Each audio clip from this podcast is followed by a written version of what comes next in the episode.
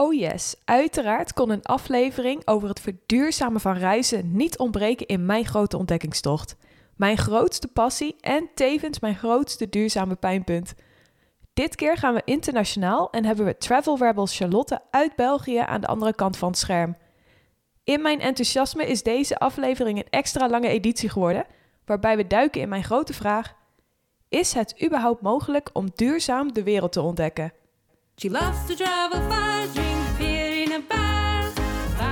Find clothes online and drive around her car. But with the looming climate crisis, the melting Arctic ices, all the plastic in the sea, got her thinking about sustainability. Test, test the sustainability.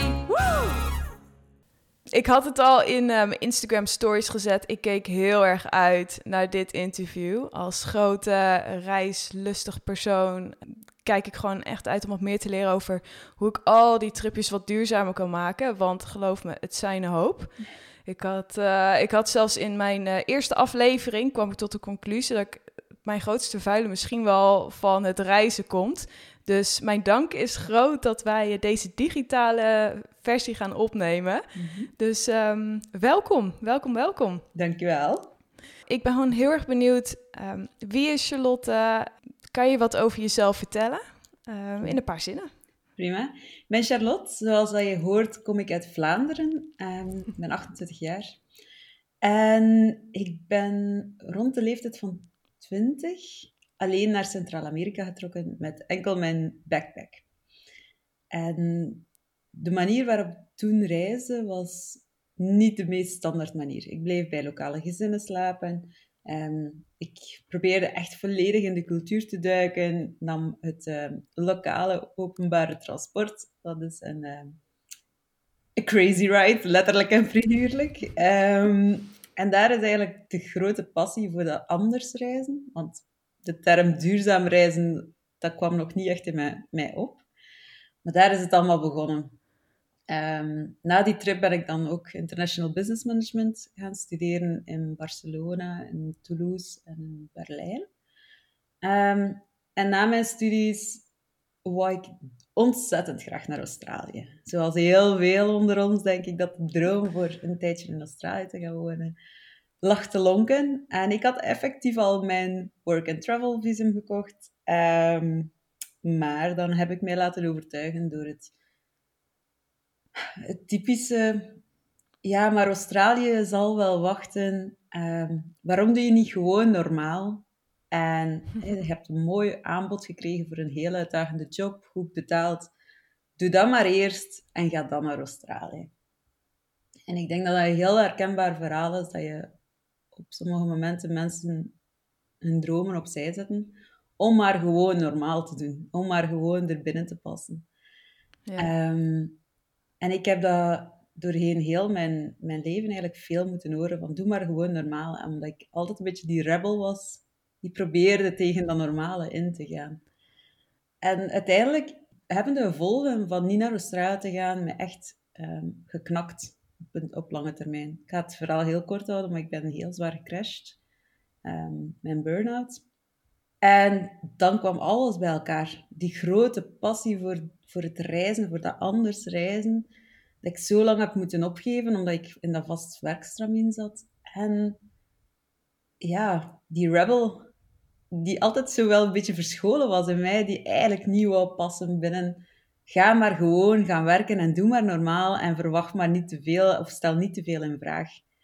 En door zo diep te moeten gaan, komt er iets los in u en dan durf je voor je eigen dromen gaan. En zo is ehm, Travel Rebel eigenlijk beginnen groeien in mijn hoofd. Maar nog niet in praktijk, maar wel in mijn hoofd. Wauw, ik moet zeggen dat eh, dat klinkt herkenbaar, maar ook wel heel erg inspirerend. En jij noemt het steeds anders reizen. Je had het verteld over bij lokale gezinnen slapen, openbaar vervoer. Ja. Wat zie jij nog meer allemaal als anders reizen? Voor mij is het... Ik zou het niet per se zien als anders, omdat het mijn natuur is van zo te reizen. En ik denk dat bij jou ook altijd dat andere heel normaal voelde. Ehm, maar het idee dat ik een week ergens aan een strand moet liggen en een, een stoel moet reserveren met een handdoek, ja, dat is pure horror voor mij. Dus dat anders reizen was mijn normale reizen. Ehm, het anders reizen, zoals dat voor sommige mensen is, is, proberen echt open te staan. 200% open te staan voor de, voor de bestemming, voor, voor het land waar dat je bent. En, en de volledige mee te gaan. Het volledig over u laten te komen als een grote golf. In al zijn mooie, intense momenten, maar ook ja, reizen is niet altijd schoon en, en makkelijk. Dat is niet zo. Het is niet zomaar op vakantie gaan reizen, is anders dan ik ga eens een weekje op vakantie en ik rust uit. Um, ja. Dus ja, anders reizen is mijn normaal reizen. En misschien voor velen onder jullie is dat gewoon wat van uit jouw hart komt, jouw natuurlijke manier van reizen.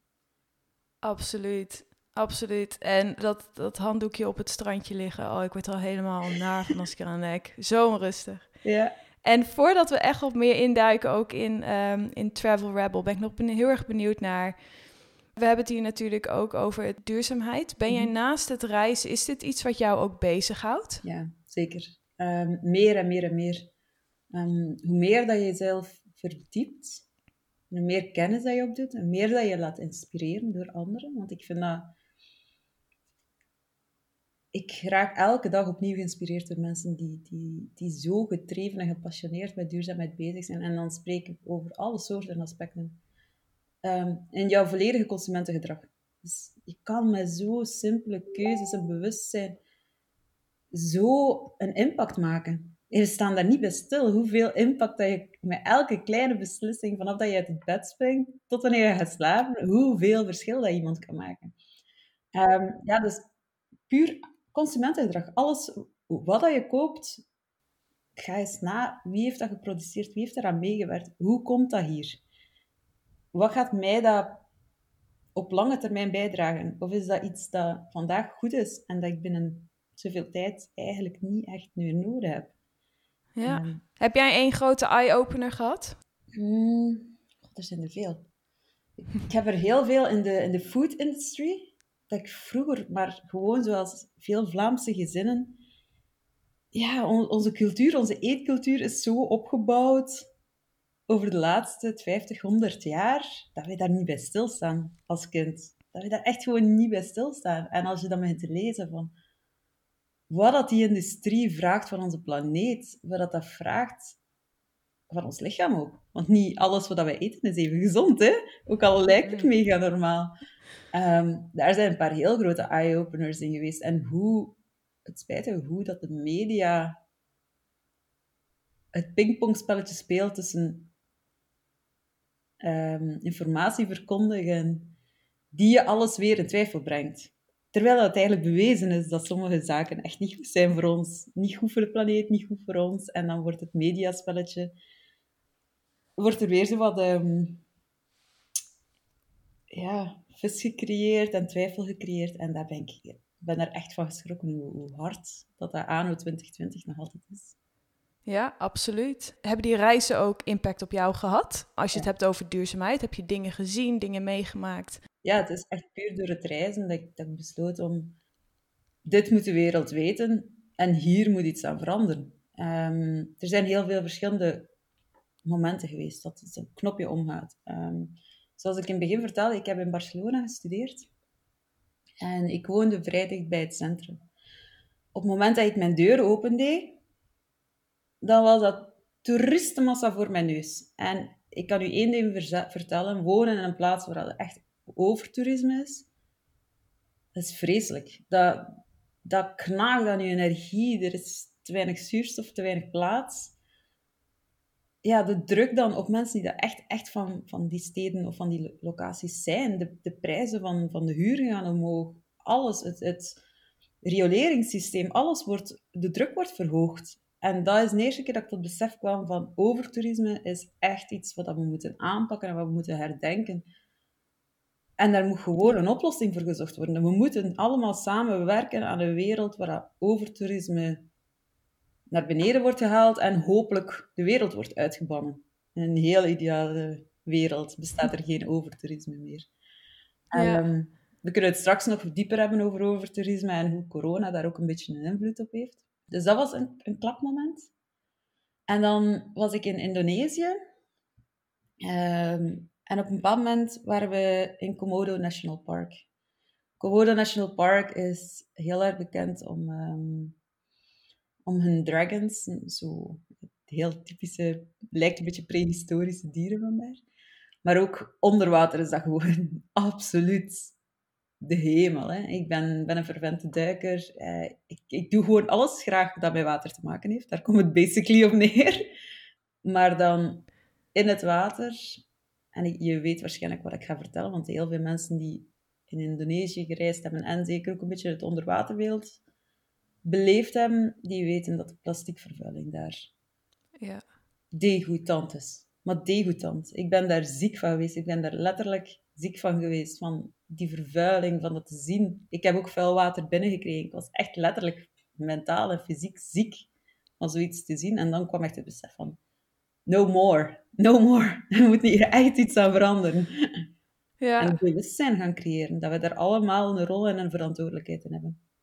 Absoluut. En het is eh, wederom zo herkenbaar. Zelfs in de vorige podcast hebben we het ook gehad. Precies over het duiken in Indonesië, het plastic, het realisatie. Eh, Je zou bijna zeggen, jongens, ga allemaal duiken in eh, Indonesië. Want voor iedereen is dat echt een eye-opener geweest. Ja. En zo zonde. Is dit ook onderdeel van jouw missie als travel rebel? Ja, zeker. Ehm, ja, voor ons is duurzaamheid en duurzaam reizen een 360. Heel veel mensen linken duurzaam toerisme ehm, heel direct aan ecotourisme. Wat is ecotourisme? Ecotourisme, dus echt hotels die zich inzetten op, op ecologischer verblijven. Ehm, alles dat echt te maken heeft met jouw, met jouw allez, footprint, met alles wat dat uitstoot te maken heeft. Ehm, maar duurzaam reizen is, is veel, veel meer dan dat. Dat is echt een 360. En je kan met heel veel verschillende kleine, bewustere keuzes heel veel impact maken. Natuurlijk is plastic gewoon zo in your face dat er geen ontkennen aan is. Er, dus, dat is gewoon de realiteit. Er is geen ontkennen aan. Ehm, en wij proberen, in België heet dat mij plasticvrij. Ehm, wij zijn daar sowieso, wij dragen die missie niet enkel in mei uit, wij dragen die twaalf maanden aan een jaar uit van, denk toch gewoon na over wat je koopt. Eh, reduceer alle plastic die je kan. En dat, voor mij is dat zo logisch, maar ja, plastieke waterflesjes, allee, oeh, ik, kan daar, ik kan daar echt gewoon niet bij. Ik kan daar niet bij. En eh, ja, er zijn zoveel manieren. Kijk naar de producten die je gebruikt. Ehm, ja, badkamerrituelen. Ehm, van, van shampoo tot tandpasta tot tandenborstels. Alles kan je bewustere keuze maken. ehm, welke voeding dat je koopt, waar dat je die voeding koopt. Het is vrij simpel en ecologisch verantwoord en economisch eigenlijk om gewoon heel lokaal jouw groenten en fruit bij de lokale boeren te kopen. Ja, En je neemt een eigen zakje mee. Dat zijn allemaal heel, heel standaard dingen in mijn ogen. Ehm, maar ja, dat is een beetje ja, voor ons normaal dat we dat maar mee vertellen. Ehm, en ik hoop dat iedereen dat bij ons aansluit als, als travel rebel, dat zij dat ook maar normaal vinden dat je daar iets aan doet. Dat je daaraan meewerkt om zoveel mogelijk plastic, en zeker single-use plastic, de wereld uit te bannen. Ja, want het is dus niet alleen waar ik in eerste instantie ook heel erg bij stilstaat op het gebied van vliegen. Eh, iets waar we zo ook nog wel even op ingaan. Maar het is zoveel meer dan dat ook hoe je als je eenmaal daar bent, hoe je dan Ja. leeft. Eh, niet alleen in Nederland, in België, dus in je hometown, maar ook Mhm. als je op reis bent, hoe je dan leeft. Het is echt eh, het volledige plaatje. Ja, inderdaad. Ik vind dat jullie als titel hebben ook wel erg mooi. What if we could change the world by the way we travel? Dat is een tatoeage waardig. Die heb ik nog niet, om eerlijk te zijn. Wil je gaan reizen? Ehm, dan kijken we automatisch op een cheap tickets website. Boek ik een vlucht? Laat ik het even persoonlijk houden. Boek ik een vlucht? Eh, ik hou van intercontinentaal reizen. Als je het hebt over duurzaam rijden, is dat überhaupt wel mogelijk? Ehm, ik heb van in het begin gezegd van wel.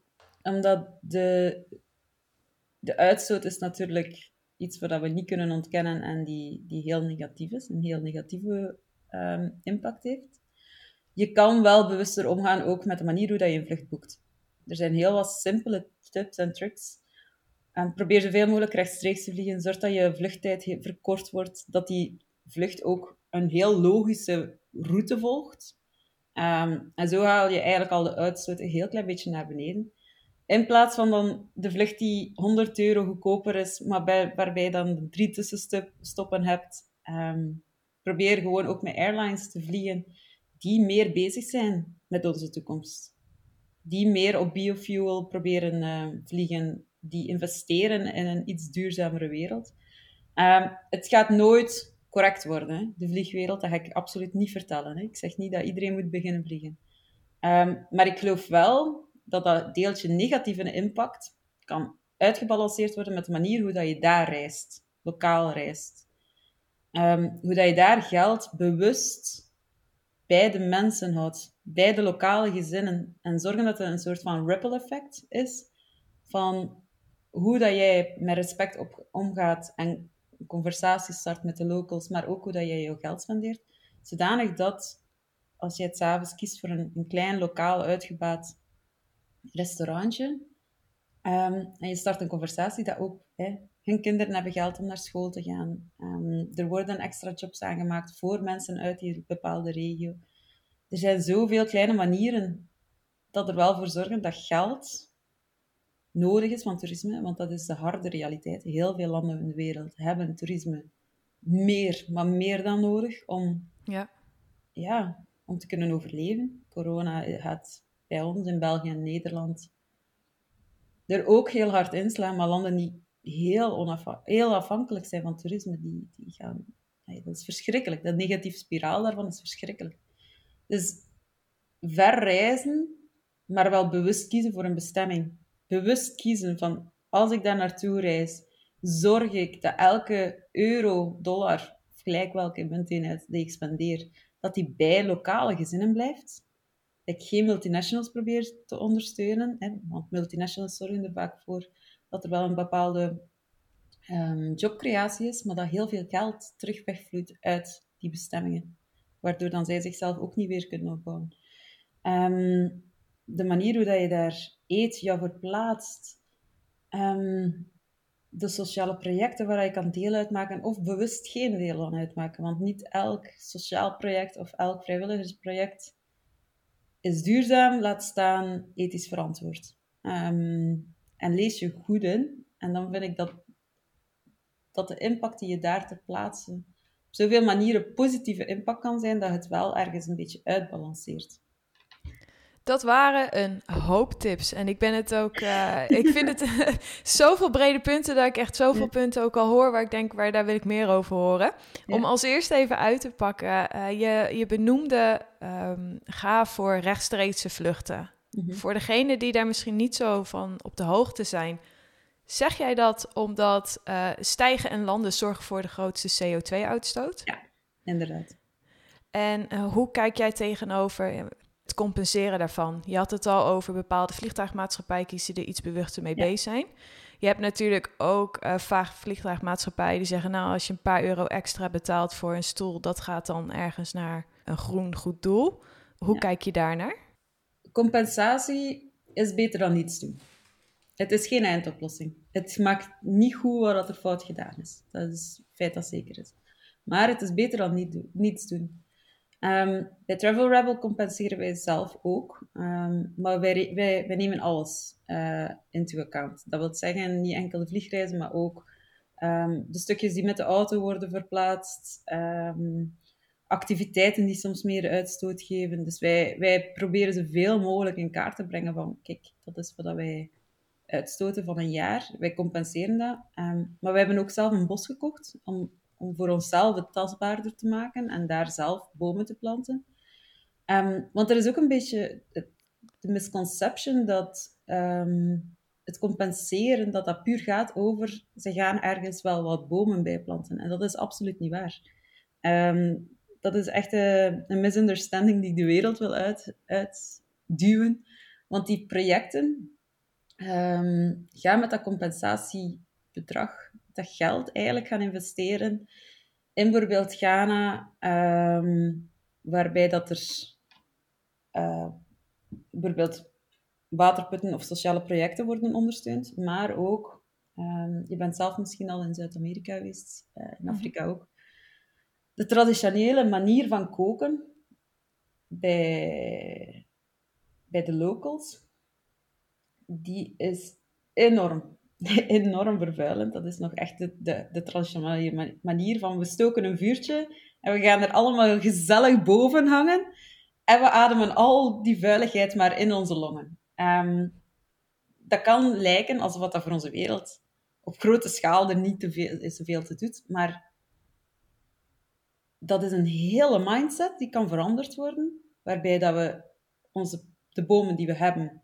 meer beschermen, waarbij dat we bewust zijn en een, een mind change gaan brengen in die lokale, om, allee, lokale gemeenschappen, om beter uit te kijken van, kijk, dit is wat we hebben van natuur, dit is hoe dat we het kunnen beschermen. En hier is het alternatief. En zij helpen dan met meer innovatieve um, soort van kooksystemen in te implementeren, die beter zijn voor de natuur natuurlijk ook, maar vooral veel beter zijn voor die mensen hun eigen gezondheid. En dat is waar dat de grote win in zit. Hè? Want waarom koken mensen nog heel traditioneel? Het is goedkoop, het is aanwezig, maar ze beseffen niet hoe ziek dat het hen maakt. Um, en door dat change management en, en het goede alternatief aan te leveren, ga je heel veel mensen van longproblemen en gezondheidsproblemen afhelpen en hopelijk die, die mindset kunnen veranderen van oké, maar mijn, het is niet omdat mijn grootmoeder nog zo kookte, ergens in een hutje, in een hoekje, een vuurtje stoken en daarboven hangen. En ik heb letterlijk, ik heb al redelijk veel bij lokale gezinnen geslapen. In Afrika, in mini, mini, mini hutjes, zo groot als de keukentafel. Dat ziet zwart van troet, maar zwart. Je ogen kan je niet open doen van... Dat prikt allemaal, dat is hyper ongezond. En dan denk je, er zitten hier twee baby's, een kindje van drie jaar loopt hier rond, die ademen dat alle dagen in. Dat kan niet, dat kan niet, dat we daar niet, niets aan doen. En dus die mind change van, het is niet omdat mijn grootmoeder nog zo kookt en mijn mama nog zo kookt, dat ik dat ook moet doen en dat mijn kinderen dat vooral ook nog moeten doen. En dat is waar dat wel een, een voor, voor mij die compensatie wel een groter effect heeft als wat mensen denken. Ja, want het is inderdaad sneller gedacht. Ik zie zelfs ook die online calculaties, hè, dat je kan doen van nou, ik vlieg van, mm -hmm. uh, van Amsterdam naar uh, Bali. Dat betekent dat mijn CO2-uitstoot zo en zoveel is. Dat staat gelijk aan uh, zoveel miljoen bomen wat er geplant moet worden ter compensatie, mm-hmm. alsjeblieft. Zo wordt er ook een beetje gecommuniceerd daarover, waardoor ik automatisch, als ik iets wil doen, last heb van dat concept flight shame. Dat ik denk, ja, ja ik ben bezig met die hele duurzame reis. Maar ja, ik wil wel de wereld ontdekken. Oh, maar wacht, mijn impact is dan zo groot. Die compensatie, dat, dat is wel heel heftig. Mm-hmm. Je gaat er toch een beetje um, anders naar kijken, onzeker. Herken jij dit? Ja, zeker. Um, vliegschaamte is iets dat heel hard bij mij, maar ook bij, ik denk bij heel veel mensen bij Travel Rebel erin zit. En het is ook zo, als je weet dat je binnen een bepaalde straal, zeker in Europa, er kan geraken met de trein, ja, tuurlijk ga je met de trein of ga je met een elektrische wagen, waar wij ook meer en meer proberen op in te zetten. Um, maar sommige bestemmingen zijn echt gewoon te ver en absoluut niemand meer als mensen van Vlaanderen of van, van Nederland, die bijvoorbeeld naar afgelegen regio's in, in Azië, in Afrika, in, in Amerika, Noord, Zuid. Ik, voor mij weegt het op. En dat is mijn puur buikgevoel. Als je ja. het goed doet daar en je bent bewust hoe dat je daar gaat naartoe gaan. En, maar het kan niet afkopen. Hè. Dat, dat mag geen schuldgevoel afkopen. Hè. Dat mag het absoluut niet worden. Hè. Dat, dat ben ik 300% mee eens. Ja. Maar mensen verbieden om nog verder te gaan dan dat mogelijk is met de trein. Of met een elektrische auto of een waterstofauto. Dat weet ik ook niet. Of dat dat, dat eigenlijk zo duurzaam is op lange termijn. En of je daar nou echt een gelukkige wereld van gaat krijgen, is als een reisliefhebber zou ik daar. Dat zou dan een offer zijn. Voelt het bijna nooit meer vliegen, wat ik niet zou kunnen willen maken. Ook al wil ik heel graag duurzamer leven. Dus Ja.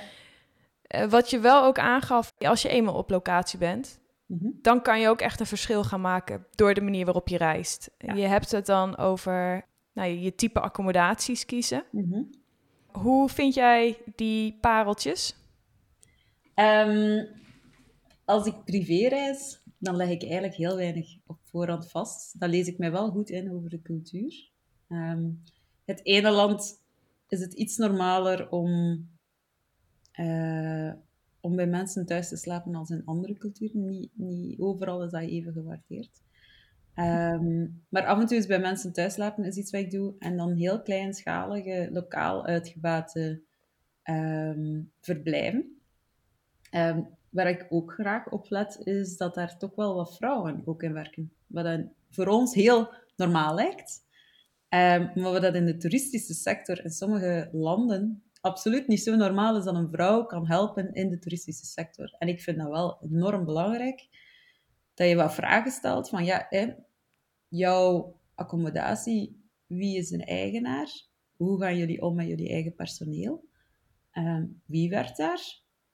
En, en wat doen jullie voor, voor de gemeenschap bijvoorbeeld? Of, serveren jullie eten? Of dragen jullie... Er zijn heel veel kleine systemen. Hè. De, de, ja, de hotels die zeggen, oh, wij, zijn, wij zijn duurzaam, omdat we een, een labeltje of een plakkaatje hangen van do not throw your towel eh, away. Eh, dat je dat twee of drie keer moet je een handdoek gebruiken. Ja, daar heb ik het wel heel moeilijk mee. Dat dat dan... eh, wij zijn duurzaam. Dus, tussen aanhalingstekens. Ehm, maar dan heel kleinschalige hotelletjes die uitgebouwd worden door mensen van de regio, die mensen aanstellen uit de regio, die zorgen dat ook die mensen die voor hen werken goed betaald worden, correct betaald worden en mogelijkheden creëren. Dat er Ja. bijvoorbeeld een deel geld terugvloeit naar de gemeenschap. Dat zijn, dat zijn de pareltjes. Maar daar moet je heel hard voor, voor zoeken en vooral heel hard vragen stellen, mailtjes sturen, vragen stellen, of proberen iemand ter plaatse te hebben die je kan een beetje wijzen richting die verblijven. Je ziet vooral op al die platformen dat de eco-lodges en al die dingen heel erg populair zijn. Ook Ja. maanden van tevoren al zijn geboekt. Mhm. Wat vind jij van, eh, van die concepten? Je kunt ze niet allemaal over één, één lijn scheren, Allee, over dezelfde kamp scheren. Hè. Ehm, het spijtige aan, aan, aan die sector is dat er heel veel greenwashing gebeurt. Ehm, maar, zoals ik zeg, eigenlijk is de key om, om te weten of dat je duurzaam bezig bent, is vragen stellen. Op voorhand mailtjes sturen, inluisteren, een keer Facebookpagina, reviews lezen en vragen stellen. Vragen stellen, vragen stellen, vragen stellen. Wie baat het uit? Wat doen jullie? Wie werkt er voor jullie? Want dan zijn er soms hotels die, die zichzelf labelen als wij zijn duurzaam, maar die dan allemaal ehm, seizoenswerkers uit heel goedkope regio's laten overkomen. In plaats van de mensen uit de streek te voor hen te laten werken en mogelijkheden te geven en opleidingen te geven. Ja, dus dan merk je toch wel dat het soms weer eh, groter is dan dat je eh, zelf denkt als je het hebt over duurzaamheid en wat er allemaal bij komt kijken, Ja. in plaats van alleen een labeltje. Ja. En eh, je had het over toen jij woonde in Barcelona. Ja, ik heb, Mhm, ja. ik heb Spaans geleerd, dankjewel. Ja, je had het over overtoerisme. Ja. Wat is jouw definitie nu van overtoerisme en waar zie je dit vooral? Ik moet zeggen dat dat de laatste maanden heel fel door elkaar geschud is, natuurlijk. Hè. Ehm, corona, als, op het moment dat het begon, dan dacht ik, yes, the end of overtourism. ik was super enthousiast, want ik dacht, mensen gaan zich echt niet meer laten vangen aan het idee dat we allemaal samen voor die Eiffeltoren of de Sagrada Familia of de Trevi Fontein moeten gaan aanschuiven. Ik dacht echt dat we daar ons lessen gingen uitgetrokken hebben. Ehm, ik dacht echt dat het einde van het overtoerisme in zicht was. Het blijkt nu wel al, snel dat dat niet zo is, spijtig genoeg. Wat dat overtoerisme voor mij is, is dat een heel negatieve druk op, op de lokale bevolking, ehm, maar ook gewoon de vierkante meters die er zijn, krijgen zo een druk van afval dat niet meer weggeraakt. Ehm, zoals ik daar juist zei, rioleringssystemen, mensen, ehm, transport kan het niet aan. Er zijn honderd en één manieren dat kleine oppervlaktes waar dat overtoerisme geconcentreerd is, dat dat, gewoon die druk niet aan kan. Ehm, om daar een, voorbeeld van te geven, ik heb het zelf gehoord van een eigenaar van een heel duurzaam hotel in, in Zwitserland, waar wij verbleven. Ook heel vragen gesteld en heel toevallig bij uitgekomen. En die vertelde, ja, hier ietsje verder ligt er een, een heel mooi stukje, ehm, ja, een, riviertje die tussen komt, maar heel, heel zweverig, heel mooi, heel uh, authentiek toen nog. En zeiden, ja, er zijn hier enkele jonge mensen geweest die daar een, een YouTube-filmpje van online gezet hebben. En dat heeft op enkele weken tijd miljoenen views gehad. En op enkele weken zaten wij met zo problemen van... Ja, wij, hebben daar de voorzieningen niet voor. Wij, onze supermarkt kan dat niet aan. Wij krijgen die toelevering van eten niet. We hebben die, die toiletten daarvoor niet, we hebben de hotels daarvoor niet, we hebben de ruimte niet, we hebben, we hebben gewoon geen infrastructuur om zoiets te doen. En we hebben daar de oppervlakte niet door en we willen het niet. Vooral dat, wij willen dat niet. En daar is mijn, mijn bewustzijn van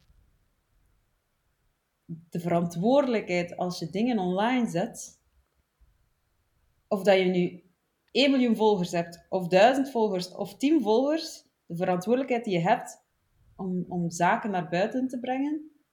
En om mee te denken van, kan dit leiden tot iets wat dat, dat ik niet meer in de hand heb en die echt overtoerisme kan creëren. Dat is een verantwoordelijkheid die veel te weinig mensen zich bewust van zijn. En ik zeg niet dat wij als Travel Rebel gaan zorgen dat een bepaalde plaats direct een overtoeristisch wordt. Maar ik ben er mij heel hard van bewust. Ik weet dat ik op plaatsen ben geweest die mij heel nauw aan het hart liggen. En waarbij ik eerst met de lokale autoriteiten ben gaan babbelen van kijk, ik zie hier zoveel potentieel van toerisme, maar willen jullie dat eerst en vooral? En hoe willen jullie dat? En als zij aangeven van kijk, we zijn goed, we moeten hier geen reizigers en toeristen binnen hebben, dan, dan is het heel simpel, hè? dan zwijg je erover. Ja. Dan vertel je niet waar dat is, dan maak je niemand... Allez, dat is gewoon... De mensen, de lokale mensen moeten het in handen hebben van... Willen we wel groeiend toerisme? Willen we dat? Ja.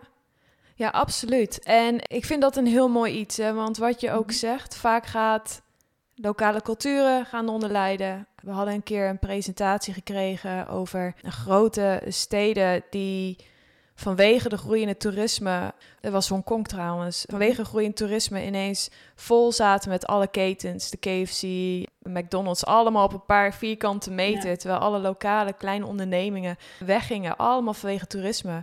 De, de globalisation van al die grote steden niet alleen raak je daarmee de lokale bevolking, maar eigenlijk ook je eigen reisgevoel voor in de toekomst. Van hé, hey, ik wil naar die stad toe. Je mist die, die uh, authenticity van zo'n stad. Het gevoel gaat weg. Wat ik ook wel mooi vond, is je zag ook het impact van uh, het afsluiten van toerisme voor bepaalde gebieden. Dus heel bekend was mhm. natuurlijk dat strand op Thailand ja. Uh, wat altijd vol zat met toeristen, mm leidde tot het verdwijnen van de schildpadden, uh, ja. zeeën weer met plastic, noem maar op. Hadden ze afgesloten al voor een paar weken, maanden. En ineens mhm. kwamen de schildpadden weer terug. Ineens kwam het leven weer terug. Allemaal omdat er een stop werd gedaan op toerisme. Dus ja, wat je zegt, we hebben zo'n grote verantwoordelijkheid om er ook langer van te kunnen genieten en een betere wereld daarin achter te laten. Dus ik, ik deel je gevoel over overtoerisme. Ja. Wat ik dan soms nog wel een persoonlijk mhm. dingetje vind, is FOMO. Oké, een voorbeeld. Ja. Ik had een, uh, een tripje geboekt, verrassingstrip voor mijn vriend naar Peru. Gingen mhm. we twee weken. Ik had een super strakke planning. Mhm. Eh, door Peru in twee weken met de bus. We eindigden voordat we de jungle in gingen bij Cusco. En ik had bewust gekozen, heel eerlijk, vanwege een strakke, te strakke tijdsplanning om niet naar Machu Picchu te gaan. Mhm. Je zou kunnen zeggen, nou, dat heb je gedaan vanwege het toerisme, ook al zijn ze daar best wel bewust mee bezig. En toch heb ik altijd het stukje FOMO nou van... oh jongens, ik heb het gemist en ik heb er spijt van. Eh, het is zo'n UNESCO eh, wereldgoed. Als ik in Parijs ben, stop ik toch altijd even bij de Eiffeltoren. Want ja, ik ben in Parijs. Wat als ik dat niet nog een keer zie? Wat is jouw advies daarin voor mensen die een beetje zo'n FOMO-gevoel hebben? En eigenlijk toch wel dat, ja, dat Instagram-fotootje van die mooie plek willen hebben. Ja. Ik denk voor mij, wat dat mij heel hard helpt, is terugkijken naar de reizen die ik gemaakt heb. En voor mezelf uitmaken, wat waren die mooiste bijblijvende momenten in die reis? En als ik naar mijn eigen antwoorden daarop kijk, dan is de kans dat daar die typische highlight tussen zit, niet heel. Echt niet heel. Dat is meestal de plaats waar ik denk van, ja, zo ziet het er op foto ook uit. Ja, en nu staan er hier honderden toeristen rond mij. Ja, voilà. Oké, dat is. Check. Dat brengt mij geen meerwaarde. Dat brengt mij niet het gevoel van, oh, daar ga ik binnen 10, 15 jaar mijn kinderen over vertellen. Van, weet je nog, dat oud mannetje dat daar zat en waar ik dan uren mee staan babbelen heb. En we hebben dan samen gekookt en ik ben, allee, dat zijn reisverhalen voor mij. Dat is waar, waar dat een meerwaarde van een reis, de connecties, de onbekende pareltjes die ineens op je pad komen, waar dat je niet verwacht had, waar dat je nog geen honderden Instagram, Pinterest foto's van gezien hebt, waar dat je verwonderd bent, waar dat reizen jou meeneemt in de magie en, en kan laten verwonderen. En dat is hoe ik er zelf... En dat, dat zorgt ervoor dat ik die FOMO... Want ik ben... Ik had enorme FOMO vroeger, maar enorme FOMO. En ik heb dat op die manier, door gewoon mijn eigen reizen in het verleden te bekijken van wat brengt mij nu de grootste meerwaarde, heel simpel te beseffen komen dat dat voor mij de highlights niet zijn. Holy shit, nou je dat zo zegt. Ik Ja. ga automatisch terugdenken naar de reizen, de ervaringen en precies dat. Het werkt voor mij. Ik hoop dat het voor anderen ook kan werken. En als we het over tips hebben, voordat we in de challenge gaan, wat zijn jouw tips op gebied van duurzaam rijden? Makkelijke switches die we kunnen meenemen als we een eerstvolgende reis hebben. Eh, we hebben al heel veel mooie punten gehoord. Heb je nog een bepaald concrete tips over dingen die we kunnen doen om onze reis al iets meer te verduurzamen? Ja, ehm, een beetje voorbereiden en, en lezen over de cultuur. Ik vind het ook een vorm van respect om enkele woordjes in de lokale taal te proberen leren. Ehm, om echt voor die connecties te gaan. En om je een beetje te laten leiden en durven leiden door de connecties die je maakt. Om hen, de lokale mensen, hun tips te durven volgen qua, qua verblijf, qua waar moet je gaan eten enzovoort. Daar gewoon durven mee te vloeien op die, op die vibe van de reis. Ehm, maar heel simpele zaken, hè? souvenirtjes.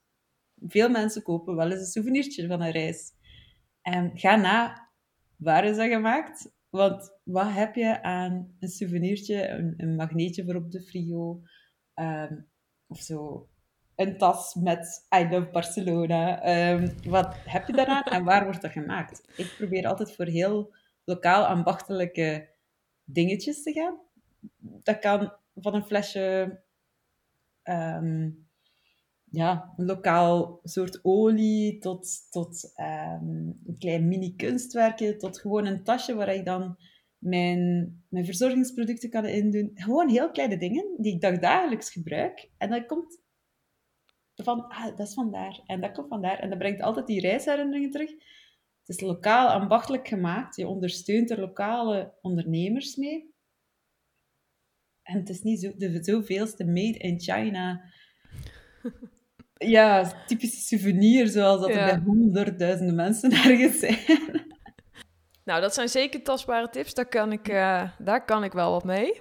Ja. En dan gaan we over op het laatste puntje. De challenge. Charlotte, Ja. wat heb jij voor, eh, voor mij en de luisteraars bedacht? Alright. Ehm, zelf vertrek ik mm, binnen enkele dagen met ons team naar Polen. En we gaan dat met een elektrische wagen doen en we gaan naar een onbekende regio. Ehm, we gaan onszelf daar verdiepen in lokaal en seizoensgericht eten. Ook een heel simpele manier om toch wat duurzamer ermee om te gaan. Wat zou jij zelf op jouw volgende trip kunnen doen? Minimaal twee puntjes, om toch bewuster te gaan reizen. Oh, daar ga ik eh, zeker even over nadenken. Ik vertelde je al een beetje voordat we begonnen met dit interview over mijn onlangse reis naar eh, Sardinië. Ik heb nog geen volgende trip op de planning staan, maar geloof me, dat zal niet lang duren. Ik ga hier zeker even over nadenken en het op Instagram en mijn website delen. Dus eh, dank je voor deze challenge. Dus twee punten waarop mijn eh, reis ga verduurzamen. Ik ben benieuwd.